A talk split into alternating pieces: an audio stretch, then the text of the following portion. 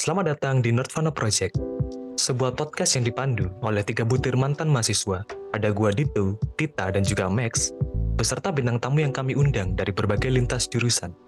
Di sini kita bakalan banyak berbicara tentang kehidupan kampus, seperti fase-fasenya, dinamikanya, dan yang paling penting, bagaimana caranya buat kalian bisa survive di kehidupan kampus yang penuh kejutan. So, enter the world of Nirvana, your uni life diorama. Halo para pendengar Nirvana, kembali lagi nih di Nirvana Project. Kali ini Nirvana kembali dengan konten anniversary. Karena di tanggal 2 Mei ini, Indonesia itu memperingati sebuah hari yaitu Hari Pendidikan Nasional. Pendidikan itu kan biasanya identik dengan dua hal, yaitu dengan pengajar dan juga dengan murid atau siswa. Nah, kali ini kita mau ngobrolin sesuatu yang berhubungan dengan kedua hal ini dan ini terjadi di lingkup kampus. Tapi sebelum itu, kali ini gue nggak akan ngobrol sendirian karena gue kali ini ditemani dengan host kita yang mungkin kalian udah pada tahu kali ya, yaitu Max. Halo Max. Halo. Nah ngomong-ngomong soal Hari Pendidikan Nasional gitu ya, topik kali ini tuh sebenarnya gue temukan secara tidak sengaja ketika gue itu lagi nge-scroll di TikTok gitu ya. Dan kemarin pas gue sempat lihat tuh ada satu hal, sorry, satu berita yang sedikit bikin gue itu pengen ngomongin itu tentang pendidikan. Itu kemarin gue Hmm. itu baca ada artikel yang isinya tuh dosen yang dia itu diculik terus dianiaya gitu sama eh, mahasiswanya. Kronologinya eh, singkat aja ya, karena Hmm. kali ini kita nggak ngomongin soal itu, tapi ya mungkin buat sekedar gambaran aja. Jadi ada sebuah dosen Poltek gitu ya, Poltek Kesehatan, Mhm. dia itu di apa namanya diculik gitu ya, terus mengalami penganiayaan oleh oleh mahasiswanya. Pertama itu kayak ini ya, ngaku sebagai polisi gitu biar si dosen ini percaya. Jadi biar bisa digiring masuk ke dalam mobil gitu. Padahal mah harusnya kan anak-anak mahasiswa kelihatan nggak kayak polisi kan harusnya. ya nggak sih maksudnya kan polisi kan pakai Harusnya kan dia apal ya mahasiswanya. Iya itu. Apa apa gimana gue juga agak bingung. Maksudnya kok bisa dia percaya gitu atau mungkin dia harusnya kan paling bisa ditengok kan dari seragamnya gitu. Polisi kan pasti ada seragamnya dong. Kan nggak mungkin pakai walaupun pakai baju kan pasti ada logonya mungkin atau ada apanya gitu kan. Gue Biasanya ada sih yang pakai ala preman-preman gitu kan. Oh iya yang pakai baju biasa. Iya kayak di ini ya 86 gitu ya. Iya, oh iya. Nah terus nih dosen ini dipaksa masuk ke dalam mobil gitu kan. Nah di dalam mobil itu baru dianiaya atau ya dipukuli gitu. Nah gue searching dikit soal kayak motifnya gitu kenapa si mahasiswa melakukan ini. Dan dari beberapa artikel yang gue baca gue nggak menemukan eh, dengan detail ya. Maksudnya kenapa si dosen ini sampai bisa dianiaya gitu. Tapi yang jelas ada salah satu artikel yang bilang oknum mahasiswanya kan ada tujuh orang. Yang punya dendam itu katanya cuma satu terus yang lainnya tuh kayak ini ya Ikutan kayak doang. ikutan terus kayak dibagi-bagi tugas gitu loh. Ada yang bawa mobil ada yang Oh. misalnya bawa senjata atau apa gitu gitulah. Tapi ya itu gue nggak tahu kelanjutannya ya. Pasti dapat hukuman ya mungkin penjara lah harusnya. Ya. tapi kali ini Nirvana tidak akan ngomongin soal itu. Maksudnya ngomongin soal berita ini ya jadi berita ini tuh Hmm. sebagai ini aja sebagai gambaran atau latar belakang aja. Kali ini kita mau ngomongin seputar apa sih yang harusnya atau mungkin bisa dilakukan oleh kedua belah pihak gitu ya. Pihak mahasiswa sama pihak dosen. Jadi kita hari ini tidak mencari benar salah.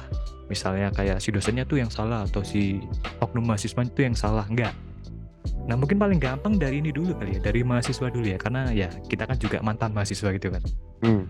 sebagai mahasiswa gitu ya kita tuh untuk menyikapi dosen yang mungkin punya perilaku yang agak jelaneh seperti yang kita obrolin bulan kemarin tuh bulan April itu kan banyak banget tuh kelakuan dosen yang Mhm. kadang-kadang bikin geram gitu bikin kesel sih emang gitu tapi kalau gue pribadi nggak sampai dendam sih ya ya kesel-kesel ya kesel di tempat Kesel aja, aja. Heeh. Lumayan sulit ya pertanyaannya.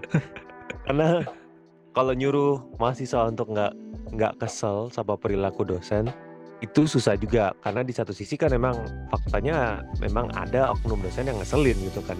Cuma itu tadi kayak lu bilang kekesalan itu mau kita uh, arahin ke mana di kasus yang tadi itu kan kekesalannya kira menjadi kekerasan kan jadi penculikan kekerasan yang Ya, akhirnya kriminal jadi ya. tindak pidana Hmm. Mm-mm, jadi tindak kriminal. Jadi ya seharusnya kita sebagai uh, mahasiswa gitu ya kan dianggap sebagai level tertinggi dari pelajar lah Hmm. istilahnya. Harusnya kita lebih lebih bijaksana sih kalaupun dosen kita tidak bijaksana biarin aja gitu itu pasti semuanya ada ininya lah ada ada ganjarannya sendiri gitu kan semakin dia tidak disukai kan ya berarti nomor satu mungkin kalau ada penilaian dari mahasiswa gitu eh, dari universitas atau fakultas pasti kan nilai dia jelek dong. Itu akan berpengaruh ke eh, karir dia juga sendiri. Jadi Hmm. kita sebagai mahasiswa kita nggak nggak perlu sampai kayak ngebukin atau nyekap atau mengancam dan sebagainya gitu. Nggak perlu. Kita eh, harus tunjukin kelas kita eh, level pendidikan kita di seba- di universitas sebagai mahasiswa ya dengan kan ada istilahnya yang yang waras ngalah gitu. Istilahnya istilahnya gitulah. Iya istilahnya Kita maksudnya apa ya? Ya perumpamaan aja. Ya kayak sebenarnya sih sama-sama waras gitu kan. Karena kalau nggak waras nggak mungkin jadi dosen dong. Ya betul. Maksudnya kita yang eh, harus lebih bisa berpikir lebih Mm-mm. jernih lah. Nah, tidak gegabah dalam menentukan arah. Karena nantinya kalau kita jadinya eh, ngikutin emosi nanti yang rugi kita sendiri Iya sih karena kalau melihat dari kasus ini harusnya eh, selain mereka dapat ini ya dapat tindak pidana dari polisi ya penjara gitulah Mm-mm. pasti juga dapat ini kan sanksi dari kampus juga dong pasti harusnya sih pasti. dikeluarin kan di DO harusnya Mm-mm. karena bagaimanapun juga itu kan ya tindak kriminal gitu kan maksudnya Mm-mm. lu udah merencanakan jauh-jauh jauh-jauh hari gitu kan kan pasti lu kan nggak tiba-tiba eh gimana kalau kita hari ini nyekap dosen? Kan nggak gitu dong. Iya, kan pasti udah disusun dengan matang terbukti dengan itu kan eh, menurut artikel tadi ada yang Udah bagi-bagi bagi tugas, tugas. Mm-mm. kan itu kan udah pasti ada persiapannya. Terus kan eh, Mm-mm. pasti juga udah tahu kapan dosen itu pulang kapan dosen itu misalnya lewat mana gitu kan. Pasti udah dilihat gitu kan. Mm-mm. kan nggak tiba-tiba Mm. ketemu di jalan eh kita culik itu kan nggak. Tiba-tiba ah, mukanya culik kebel nih. Iya makanya. Jadi itu kan udah terencana dan harusnya ya pasti dapat sanksi. Tapi nih kalau misalnya ya kelakuan dosen itu ada yang misalnya kayak main dinilai gitu. Maksudnya ngeselinnya itu ngaruhnya sampai ke nilai. Terus kesel kan pasti kan cara mengatasinya gimana? Terus mungkin siapa tahu ada yang si oknum mahasiswa ini mungkin kesal karena nilai gitu mungkin. Gue juga pernah sih kayak ujian gue betul tapi disalahin gitu kan. Akhirnya gue ngomong ke ke beliau ke dosen tersebut. Awalnya juga beliau nggak percaya kan. Cuma akhirnya gue tunjukin dong di HP dong. Gue Hmm. browsing kan, kan internet ada. Gue tunjukin ini buktinya bener di sini. Nah akhirnya uh, beliau mengganti nilainya. Karena kita punya bukti. Jadi selama kita punya Oh, bukti kalau iya, itu iya. benar apalagi sekarang kan internet gampang banget ya kita akses. Hmm. udah buka aja di internet sebagai buktinya. Atau kalau dia merasa nggak valid di internet cari di buku. Buku yang ada. Itu sih yang pertama. Kalau dia masih istilahnya ngeyel juga kita bisa lapor ke ini kan ketua jurusan sebetulnya. Pasti ada sih harusnya ya. Di tiap jurusan pasti ada ini ada ketuanya. Pasti ada ha-ha. Kan itu ada jalur birokrasinya lah istilahnya Ya, sama kayak kita ngurusin skripsi dan sebagainya kan ada birokrasinya kita coba dulu lah di jalur itu Oke ya Mm-mm. gue setuju sih. Kalau dari gua sih selain selain cari bukti di internet atau di buku atau di apa, lu juga mungkin bisa cari teman yang mungkin punya pengalaman serupa. Karena biasanya dosen yang ngeselin gitu ya, ininya banyak, korbannya banyak. Karena nggak cuma lu doang, harusnya ya. Harusnya sih Ada yang reputasi. ngalamin, iya yang ngalamin itu ada beberapa lah gitu loh. Jadi ketika lu menghadap ke dosennya atau ke beliau gitu ya, lu mengikuti sama teman lu gitu. Kayak gitu sih Mhm. mungkin itu kalau dari mahasiswa. Nah, kalau dari Hmm. dosen apa yang seharusnya dilakukan untuk apa sih le- lebih ini enggak sih maksudnya lebih apa ya gue nggak menemukan kata yang tepat lebih bisa diterima dengan baik oleh mahasiswanya kayak gitu loh Ah, ada beberapa cara sih. Sebenarnya Hmm. mirip-mirip sama pembahasan yang kita udah pernah bahas sebelumnya. Ini juga gue punya sedikit source dari dari Instagram. Jadi ini akun akun seorang akun bola bukan dong, bukan orang buzzer. kenapa tuh jadi orang ini adalah seorang pembicara kayak gitu ya tentang profesionalitas guru. Beliau ini membuat postingan isinya 5 5 tanda guru berkelas. Nomor tiga mengejutkan nggak Nomor tiga enggak sih. Biasa aja. Gue bacain secara ini aja, secara singkat aja ya. Nomor satu adalah guru yang berkelas tidak meremehkan muridnya. hmm. Nomor dua, guru berkelas selalu antusias mengajar. Nomor tiga, guru berkelas bukanlah Google berjalan. Nomor 4, guru berkelas tidak menunjukkan pilih kasih. Dan Hmm. nomor 5, guru berkelas berpikiran terbuka. Nah, menurut gue ini cocok banget sih eh, untuk topik ini karena ada kan beberapa oknum-oknum dosen yang kayak gue bilang ada yang mungkin kayak ditunjukkan kalau "Wah, lo, lo apa sih lu nggak bisa gitu. Nah, seharusnya sebagai pengajar kita malah encourage murid untuk belajar, bukan malah kita eh, meremehkan skill mereka. Walaupun mereka misalnya memang kurang ataupun nakal gitu ya istilahnya, tetap Hmm. kita nggak boleh sebagai pengajar tuh harusnya tidak boleh uh, meremehkan murid atau uh, menjelek-jelekan lah. Karena kita kan harusnya ngasih contoh yang bagus. Nomor dua juga uh, antusias mengajar. Jadi kalau kalau dosennya aja males atau gurunya aja males gimana muridnya mau semangat belajar gitu kan? Iya iya benar-benar maksudnya males di sini tuh apa ya? Kayak ya udah ala kadarnya aja gitu ya. Maksudnya iya ya, kayak pokoknya kayak datang ngajar. ngasih Nah, tugas cuma ngasih tugas atau cuma baca dari presentasi gitu doang mah semua orang juga bisa gitu kan mm, dan itu tidak membuat tidak memacu motivasi mahasiswa untuk belajar gitu. Jadi lu nggak bisa nyalain sebagai pengajar kalau nanti hasil belajar murid lu tidak maksimal gitu karena lu juga mengajarnya juga tidak maksimal.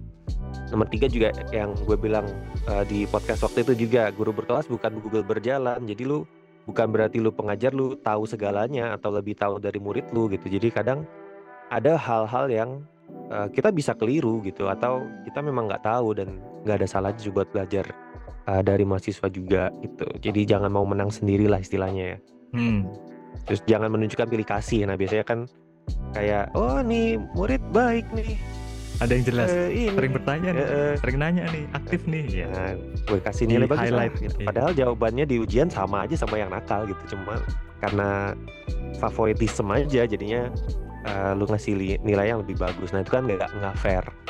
Bisa menimbulkan itu tadi kayak dendam dan Dendam. dengki. iya iya benar-benar Ya, sama yang terakhir itu tadi guru berkelas berpikiran terbuka berarti menyesuaikan mengajarnya atau metode pengajarannya dengan interest dari mu- muridnya atau mahasiswanya gitu. Kalau eh, mengajarnya masih kayak style-style yang jadul gitu ya, of course nggak nggak apa ya nggak relevan lah sama perkembangan zaman gitu kan. Akhirnya mahasiswanya jadi males, jadi capek gitu kan.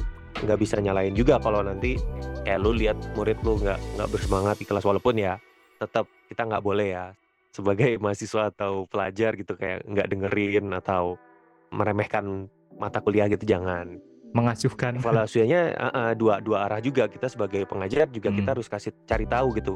Kira-kira kenapa ya eh, murid kita kok kurang termotivasi? Kalau cuma satu dua mungkin oke lah mungkin nggak cocok aja sama itu ya mahasiswa. emang tapi kalau mahasiswanya aja yang separuh bebal. lebih uh-uh. Mm, tapi kalau udah kayak separuh lebih gitu Hmm, berarti yang harus dipertanyakan ya metode pengajarannya gitu. Mungkin itu oke. sih dari gue kita harus saling saling evaluasi juga. Jangan merasa menang sendiri mentang-mentang itu tadi kita di posisi yang lebih dibutuhkan atau lebih penting jadi kita semena-mena gitu nggak boleh juga. Ah, Oke, kalau dari gua sih gimana ya? Kalau ngelihat dari kasus ini kan pasti mahasiswa kesel kan pasti karena ada sebab gitu kan. Gak mungkin tiba-tiba ah gue pengen nonjok ini dosen kan enggak gitu loh. harusnya Eh, enggak Dari artikelnya kan karena dendam dan dendam itu kan muncul karena sesuatu kan mm. karena sebab gitu kan kan nggak mungkin tiba-tiba dendam kan mm-mm. enggak. Untuk bapak ibu dosen atau guru pengajar pendidik atau ya apa pun itulah namanya sekarang tolonglah kalian kan juga pernah jadi mahasiswa atau jadi murid jadi ketika mengajar ya kondisikan apa ya tingkah laku kebiasaan perilaku itu ya yang benar-benar aja gitu ya, tanpa menyusahkan atau membuat dendam ke ininya juga Mhm. ke mahasiswanya gitu. Jadi ya gue setuju sih. Sama-sama evaluasi dua arah gitu ya. Iya iya iya. Bukan mencari harus benar sama-sama salah. berpikir sih. Bukan mencari benar salah karena kalau cari benar salah gak ada habisnya. Si mahasiswa ngotot bener si dosen ngotot bener gitu aja terus. Mm-mm. kapan habisnya gitu kan. Harapan dari kami sih semoga kasus begini ini jadi yang terakhir ya di dunia pendidikan kita ini nah bertepatan juga dengan hari pendidikan nasional ada baiknya kita itu sebagai mahasiswa dan juga para bapak ibu dosen sekalian bisa sama-sama saling mengevaluasi diri dan berjalan beriringan karena bagaimanapun juga pada akhirnya kedua belah pihak itu sama-sama saling membutuhkan satu sama lain Sebelum kami tutup perbincangan kami kali ini, episode kali ini tuh kami jadikan juga sebagai bagian dari tantangan hashtag Bicara Pendidikan 2023 dari The Podcaster Indonesia. Akhir kata, Terima kasih sudah mendengarkan obrolan kami kali ini.